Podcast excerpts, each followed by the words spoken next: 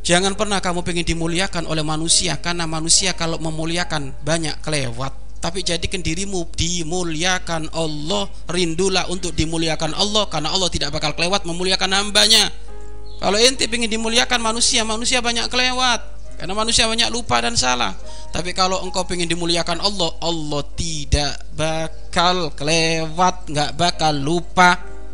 Apakah gak cukup firman Allah yarfa'illahu alladhina amanu minkum walladhina utul ilma darajat. Sudah cukup itu. Allah akan mengangkat orang-orang yang punya ilmu. Wis titik. Jadi cukuplah engkau ingin diangkat oleh Allah. Dijemput. Jemput pakai apa? Pakai truk Pak Ustadz. Duh, pakai truk. Suruh balik sana. Bahaya ini. Cukuplah dirimu merasa puas dengan Allah mengangkat orang-orang yang punya el ilmu orang-orang yang beriman yang punya ilmu cukup.